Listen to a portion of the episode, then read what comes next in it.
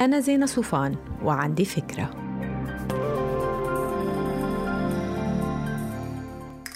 هاي رح نفتح البواب خلاص بعد ما فتحت البحور والمكاتب والمحلات والمطاعم والنوادي الرياضية طيب ليه مش حاسة بموجة حماس عارمة عند الناس وأنا منهم؟ ليه ما في إحساس الرجعة الانتقامية على الحياة بعد هالحبسة الطويلة؟ فكرت بهالشي ولقيت إنه نحن اللي مرقنا فيه يا جماعة منه قليل. اللي مرقنا فيه ما خلص ما راح الفيروس موجود. وفي ناس عم تمرض كل يوم. بس نحن عرفنا إنه هيدي قصة طويلة وإنه ما فينا نسقط كل شي ونضلنا مخبيين. التخبية بتعمل تشوهات بنسق حياتنا الطبيعي وبالمنطق اللي حاكمها. مش معقول صار حدا بيمرض. بنقوم كلنا بنسأل بصوت واحد عنده كورونا؟ وإذا الجواب لا بيخلص الموضوع. هاي trauma جماعية وبدنا نلاقي طريقة لنرجع لصوابنا. roller coaster المشاعر من فوق الغيمة لتحت الأرض. بدنا نبلش نتعامل معه بجدية. بدنا نخفف أخبار. خلص بقى هوس بالأرقام. وقف تقلك اليوم ببريطانيا قديه صاروا؟ وبنمسك هالتليفون. لا لا. ليك الأرقام؟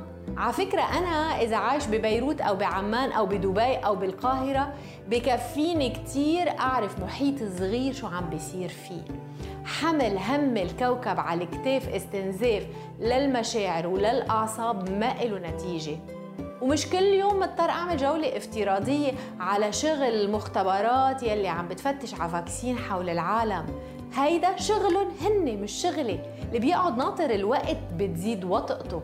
أنا شغلي حافظ على صحتي العقلية والنفسية والجسدية. والموضوع ما بده دكتوراه.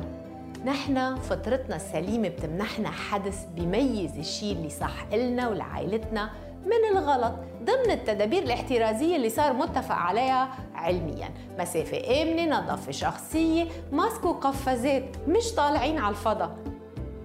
فعلوا هيدا الحدث وامشوا ورا ساعتكم المنطقية.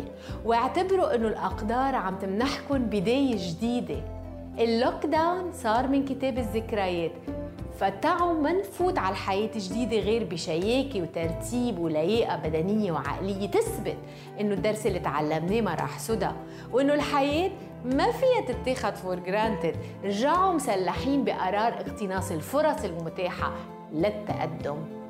كبوا التردد وراكم بداية جديدة بتستاهل نفسيات جديدة. Good luck. ما تنسوا تعملوا download للفكرة تعطوها rating وتساعدوني بنشرة. Bye